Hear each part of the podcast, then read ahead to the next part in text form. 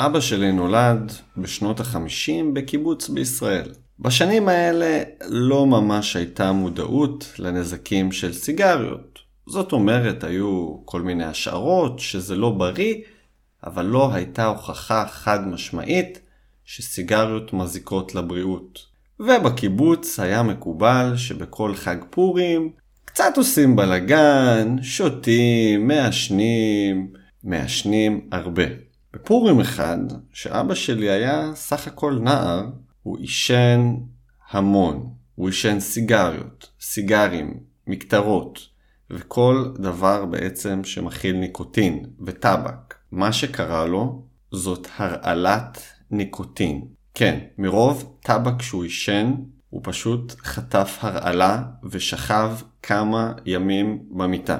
בדיעבד הוא אומר שזה די מזל שהדבר הזה קרה לו, כי בעצם מאותו רגע הוא לא יכול לסבול סיגריות. הוא לא נגע בסיגריה אחת בחיים שלו מאז, והפך להיות ממש שונא סיגריות. אני חייב לומר שהוא די הצליח להעביר את זה אליי. גם אני לא מעשן וגם אני לא סובל ריח של סיגריות. והיום יש מדינה שהיא המדינה הראשונה בעולם שמנסה להיות מדינה ללא סיגריות. אני מדבר כמובן על ניו זילנד. ברוכים הבאים לפרק מספר 11 בפודקאסט של Piece of Hebrew, והיום על המדינה שמנסה להילחם בסיגריות, ניו זילנד. מה אומר החוק החדש? מה יקרה למי שיעבור על החוק? ומה המצב בנוגע לסיגריות בישראל? אם אתם רוצים ללמוד עם הפודקאסט, לקבל את התמליל, רשימת אוצר מילים, שאלות הבנה ועוד כל מיני הפתעות, אני מזמין אתכם להיכנס לאתר שלנו, pieceofhebrew.com. יאללה, מתחילים. החוק החדש בניו זילנד אומר שכל שנה יעלה הגיל בו אפשר לקנות סיגריות. כיום אפשר לקנות סיגריה רק מגיל 18, אבל בעצם כל שנה הגיל הזה הולך לעלות. מה שאומר שמי שהיום בן 14, בתיאוריה לא יוכל לקנות סיגריות במדינה. התאריך הוא כל מי שנולד מה-1 בינואר 2009 לא יוכל לקנות יותר סיגריות במדינה. חוץ מזה, החוק אומר שהמקומות שניתן לקנות בהם סיגריות יוגבלו. כיום יש כ-6,000 מקומות בניו זילנד שאפשר לקנות בהם סיגריות. החוק החדש אומר שהמספר הזה ירד ל-600, רק 600 מקומות שניתן לקנות בהם סיגריות. מה יקרה למי שיעבור על החוק וימכור סיגריות למי שלא בגיל המתאים? הוא יקבל קנס של 150 אלף דולר ניו זילנדי.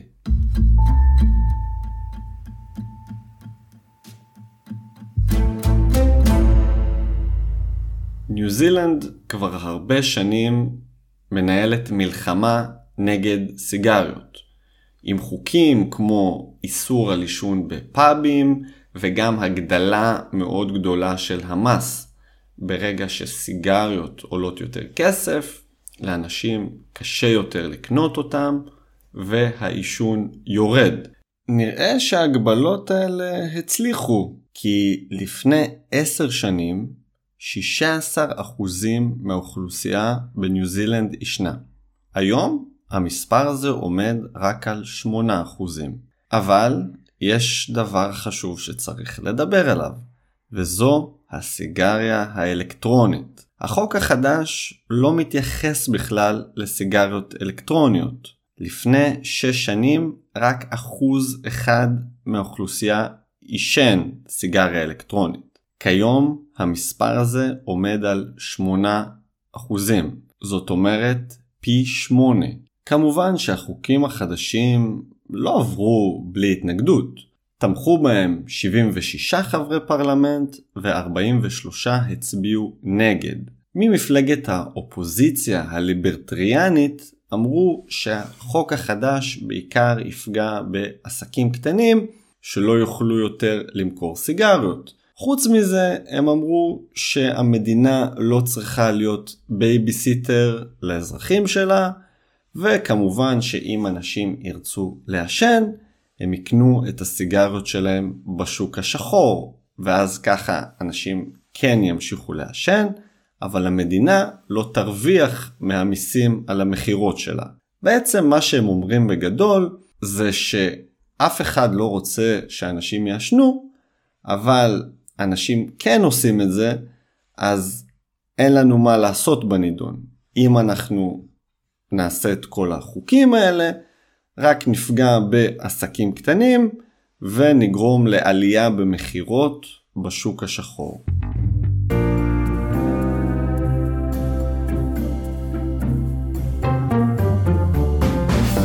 מה המצב בישראל? אתם בטח שואלים את עצמכם. אז גם בישראל מנסים בכל מיני חוקים ותקנות להילחם בתופעה של עישון, אבל הנתונים לא ממש מעודדים. בשנים האחרונות יש עלייה בשיעור המעשנים, והיום אנחנו מדברים על 20% מהאוכלוסייה שמעשנים.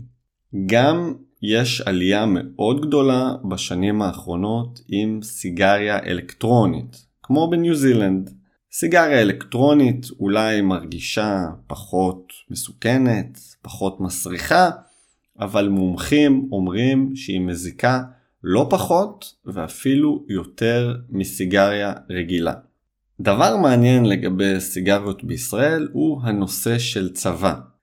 מחקרים מראים שיש עלייה משמעותית במספר המעשנים כשהם משתחררים מהצבא לעומת הגיוס שלהם. זאת אומרת שיש המון המון חיילים שהתגייסו בגיל 18 שהם לא מעשנים והשתחררו בגיל 21 שהם כבר מעשנים. הסיכון הכי גדול לעלייה בעישון הוא לחיילים קרביים, הכוונה לחיילים שמשרתים בתפקידי לחימה, שם מבחינה סטטיסטית יש עלייה הרבה הרבה יותר גדולה במספר המעשנים.